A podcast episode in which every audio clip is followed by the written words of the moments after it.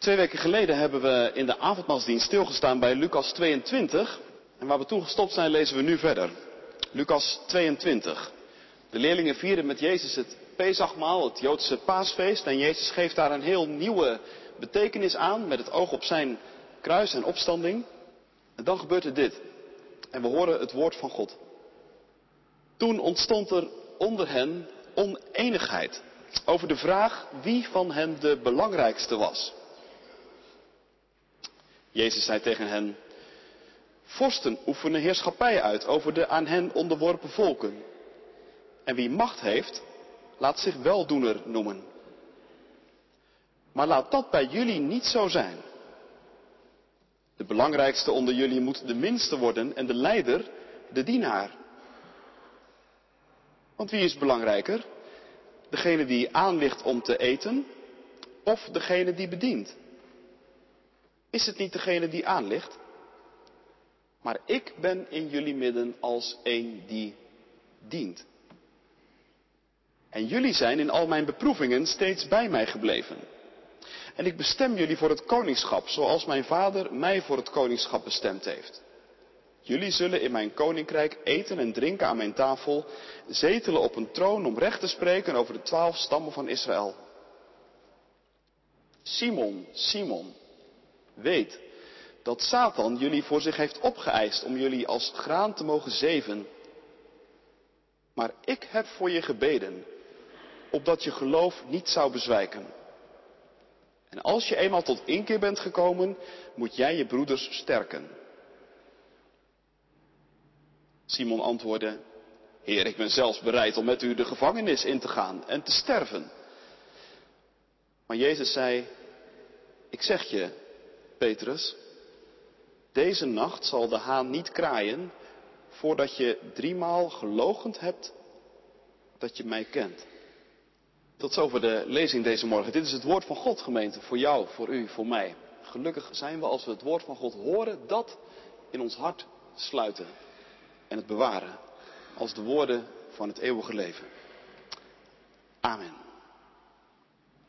Gemeente van Christus, dit is wel een heel gênante vertoning.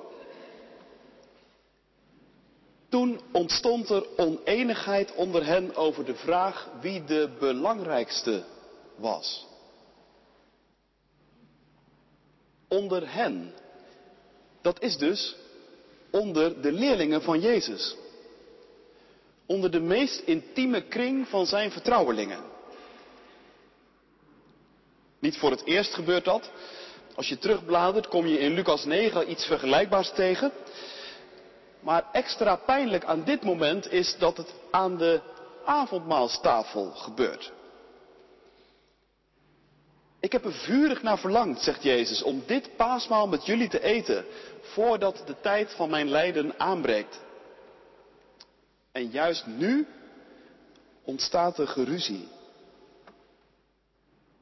Tijdens de laatste maaltijd die Jezus met zijn leerlingen zal hebben, vliegen de verwijten over tafel. Wat moet Christus de gastheer zich te midden van zulke gasten ontzettend eenzaam hebben gevoeld? Zeker als je bedenkt waar de discussie over ging.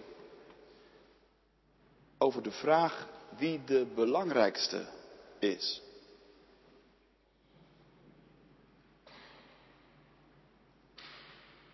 Hoe bestaat het, zeg je? Hoe halen ze het in hun hoofd om dit kostbare en intense moment zo naar de knoppen te helpen? Nou ja, misschien niet te snel met scherpe verwijten. Het zou zomaar eens vaker kunnen voorkomen, zoiets, dan je denkt. Ik zie een ziekenkamer voor me. In het bed ligt een oude man. Hij is stervende. En rondom het bed staan wat neven en nichten. De laatst overgebleven familieleden. De spanning in de kamer is voelbaar. Want de oude oom laat een flinke erfenis na. Maar wie wat krijgt, daar is nog onduidelijkheid over. En over het bed van de stervende heen voeren de nabestaanden een strijd. Over het verdelen van de buit.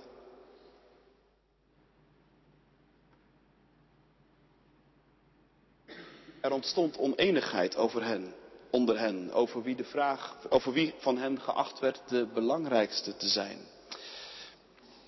Weet je, soms legt de Bijbel in één zinnetje zomaar een hele wereld open. En ineens denk je, als ik daar nou aan die tafel zat, wat dan? Zou ik me dan ook zomaar hebben laten meenemen in zo'n haantjesdebat over posities en prestaties en macht en voordeel? Zou ik me zomaar hebben laten meeslepen in zo'n beschamende vertoning? Wat moet dat Jezus eenzaam hebben gemaakt? Als hij zijn kinderen verwikkeld ziet in een ordinair straatgevecht.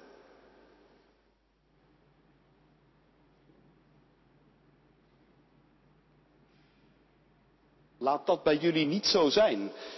Christus neemt het woord. En de verhitte die beter, zo stel ik me voor, kijken op. En een enkeling voelt de schrik misschien wel toeslaan. Oh ja, dat is waar ook. We zaten met Jezus aan tafel. Hoe hebben we ons zo kunnen laten gaan? De koningen van de volken, zegt Jezus, die heersen over hen. Nou, dat is taal die begrijpen de leerlingen best. Zij leefden in een cultuur waarin de macht van een vreemde overheerser heel goed te voelen was.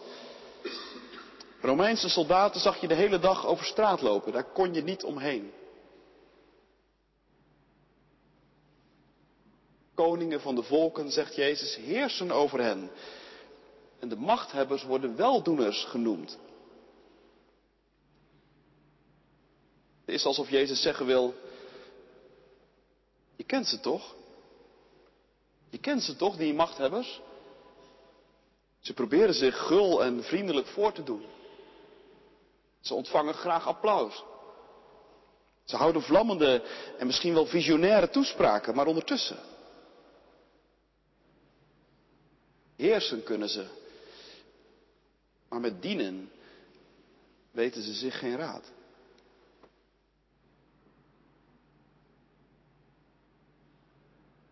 Hoe je de ironie van de woorden van Jezus? De heersers van de wereld laten zich weldoeners noemen. En ze weten het spel zo te spelen dat iedereen erin trapt. En nu willen jullie, mijn leerlingen, op dezelfde manier macht uitoefenen? Datgene waar jullie zelf zo'n grondige hekel aan hebben. Je doet het zelf precies zo.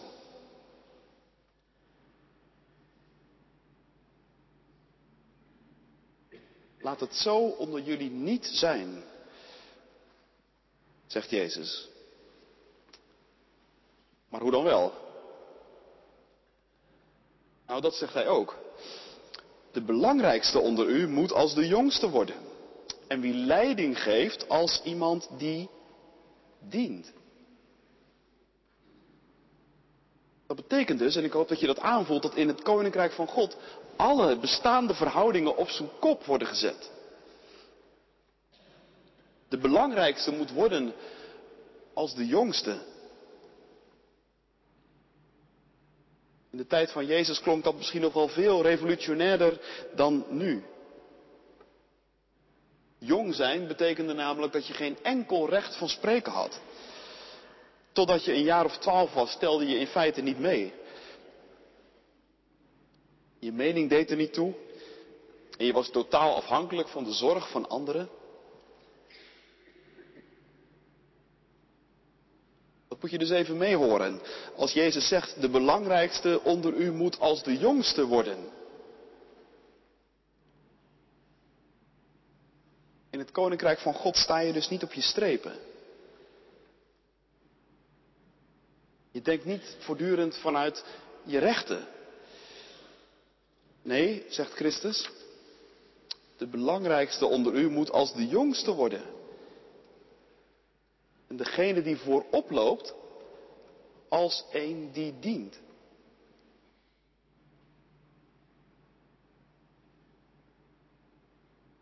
Waarom?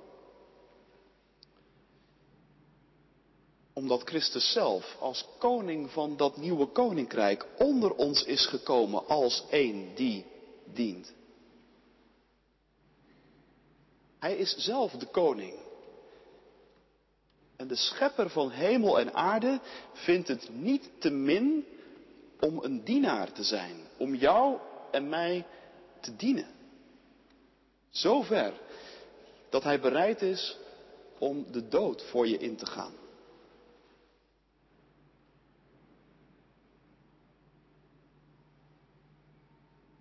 Dat is een eenzame weg geweest. Je merkt dan ook dat hoe het evangelie zich meer naar het einde toe beweegt, dat de kring rondom Jezus gaandeweg kleiner wordt. Hier zijn ze officieel nog met z'n dertienen, maar hoe eenzaam voelt Jezus zich te midden van die dertien? Straks in de hof van Gethsemane zijn ze nog met z'n vieren. Maar de drie laatst overgebleven leerlingen zullen in slaap vallen. En vanaf dat moment blijft Christus helemaal alleen over.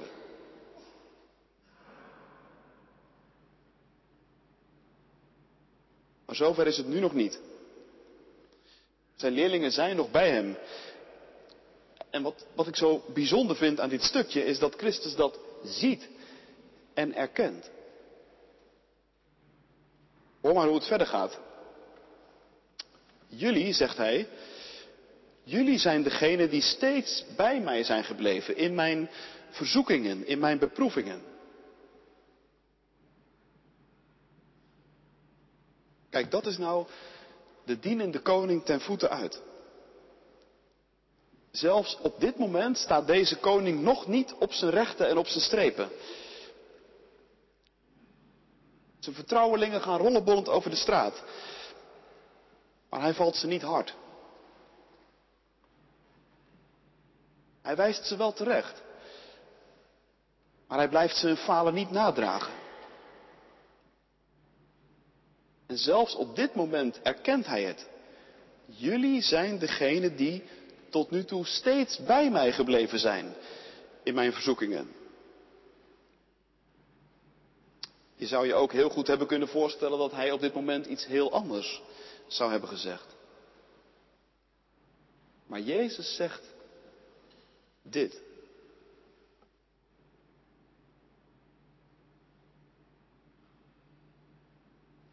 Bij hem blijven in zijn beproevingen. Dat is dus een roeping. Een roeping voor iedere leerling van Jezus. Nou, als je wel eens probeert om daar wat werk van te maken, dan weet je dat er momenten zijn waarop dat niet zo heel moeilijk is. Als de dingen in je leven allemaal op rolletjes lopen, als het goed gaat in de kerk, als het goed gaat in de wereld om ons heen, dan gaat dat wel. En laten we daar God voor danken, voor zulke momenten. Momenten waarop de dingen gewoon lopen zoals ze horen te lopen. Maar de vraag is nu, wat doe je als het moeilijker wordt? Jullie zijn steeds bij mij gebleven, zegt Jezus. In mijn beproeving. Dat betekent dus ook op de momenten dat de dingen anders liepen dan je had verwacht. Tot nu toe hebben jullie mij nog niet verlaten.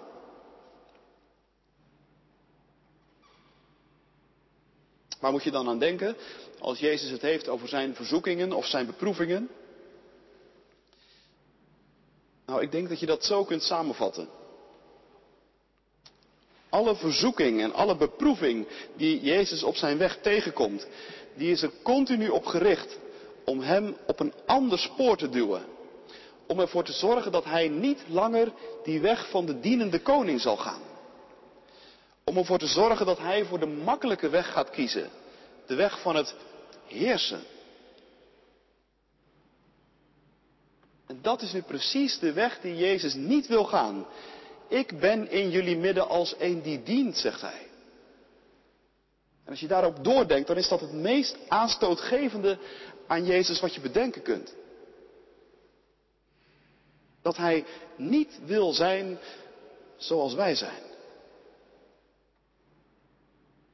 Dat Hij dient. En daarin volhardt. En blijft volhouden. Ondanks alles.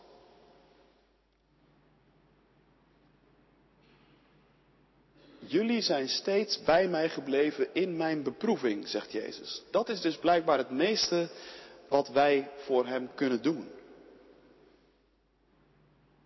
Bij Hem blijven in Zijn verzoekingen. Niet weglopen. Als het gaat stormen of als er tegenwind komt. Als er dingen ingewikkeld en verward raken. Zoals dat ook het meeste is wat je voor een zieke kunt doen, bijvoorbeeld. In zijn of haar laatste momenten. Erbij blijven. Niet weggaan. Hoe verleidelijk dat soms ook is. Want zulke momenten kunnen intens zijn en soms niet om aan te zien. Maar dan toch blijven.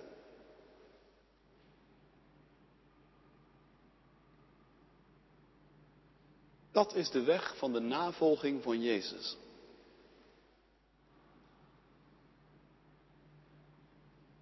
En dat is geen gemakkelijke weg. Want de verleiding om toch op dat andere spoor te gaan, die ligt voortdurend op de loop. En het is ook zo subtiel. Een van de schrijvers waar ik van hou en die dat heel scherp ziet, dat is Flannery O'Connor.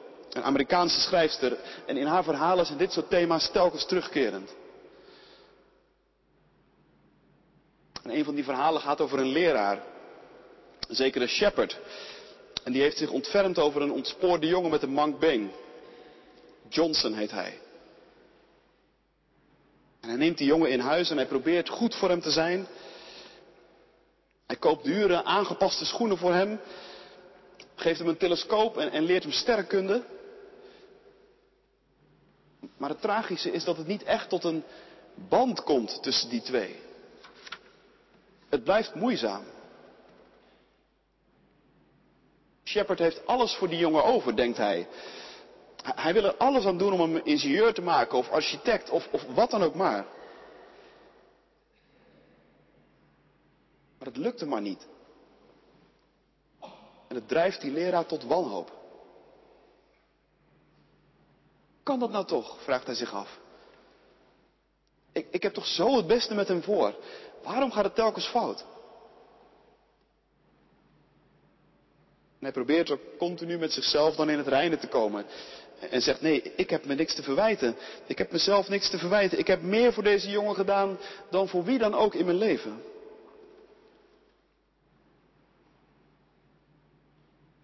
Maar dat laatste is nou precies het probleem. Aan het eind van het verhaal, dan bijt die jongen de leraar toe dat hij een nep Jezus is. Een namaakredder. Want hij was niet onbaatzuchtig. Integendeel. Deze jongen was een project voor hem geworden. En het leek op dienen. Maar het was uiteindelijk heersen wat hij deed. Hij heette wel Shepherd, maar hij deed zijn naam geen eer aan. Hij was geen herder. Hij was als die koningen waar Jezus over spreekt in vers 25. Ze laten zich weldoener noemen, maar ondertussen heersen ze.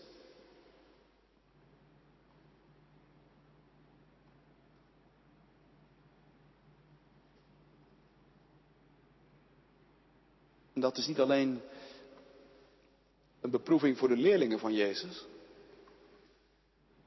Dat is ook een beproeving voor Jezus zelf. Hij zegt niet, ik ben bij jullie gebleven in jullie verzoekingen.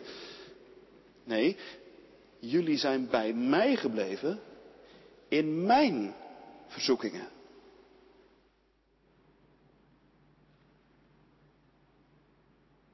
De Zoon van God kent dus ook deze verleiding. Want wat zouden wij Hem graag zien als een heerser? Als een God die nu al imponeert en indruk maakt. Waar je mee voor de dag kunt komen. Een God van wie je jezelf en je vrienden in één klap zou kunnen overtuigen.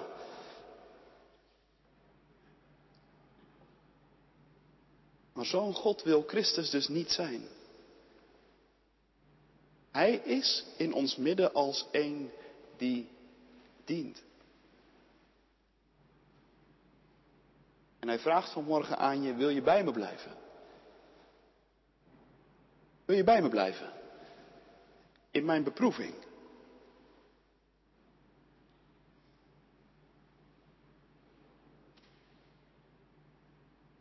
En dat is de enige weg met een toekomst. Dat is ook de enige weg waarop je beloften van God meekrijgt. Lees maar verder. Ik beschik jullie het koninkrijk, zegt Jezus, en je zult eten en drinken aan mijn tafel. Je zult zelfs de macht krijgen om recht te spreken.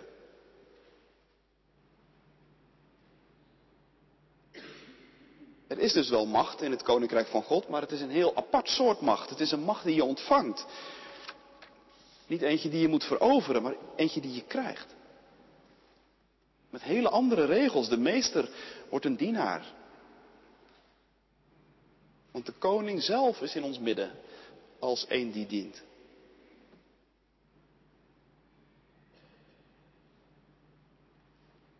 Dit is de weg van de navolging van Jezus. En nee, dat is geen makkelijke weg. Maar het is wel de weg waarop je van Jezus een woord meekrijgt waarmee je het je hele leven kunt doen. Ik heb voor jou gebeden. Dat je geloof niet ophoudt.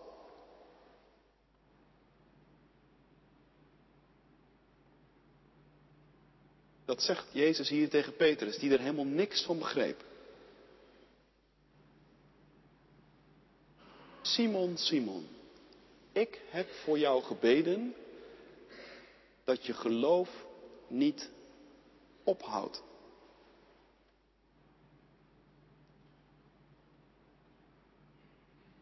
Vul in plaats van die naam van Simon vanmorgen gerust je eigen naam in, hoe je ook heet. Jezus belooft ons achter Hem aan niet een makkelijke weg. Het zal een weg zijn waarop je voortdurend heen en weer geslingerd wordt, waarop je zult worden gezift en gezeefd als tarwe. De verleiding om mee op te houden of toch de makkelijke weg van het heersen te kiezen, die is er voortdurend. Maar Jezus zegt tegen je, kijk daar niet gek van op. Dat is geen teken dat God niet bij je is. Integendeel. Misschien moet je het zelfs wel omdraaien. Er wordt alleen maar aan je geschud. Omdat je het blijkbaar de moeite waard bent. Om aan geschud te worden.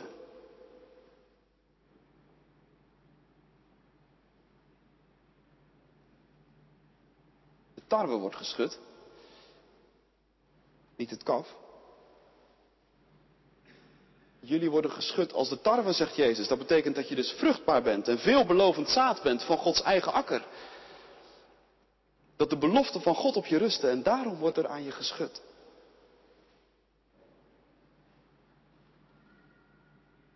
En Jezus zegt niet, ik heb voor je gebeden dat dat schudden ophoudt.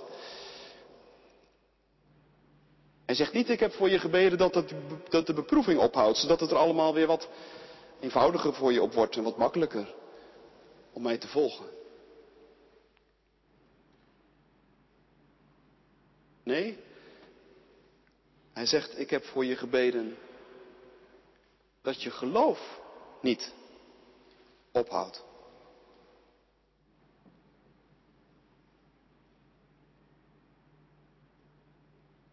Dus als de nacht komt van de beproeving.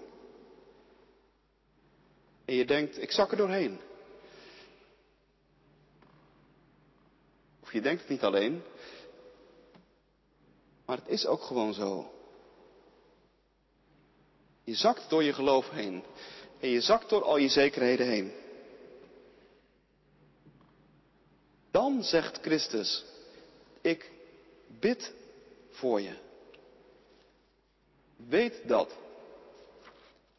Juist op dat moment. Want zo is onze God. Hij is in ons midden als een die dient.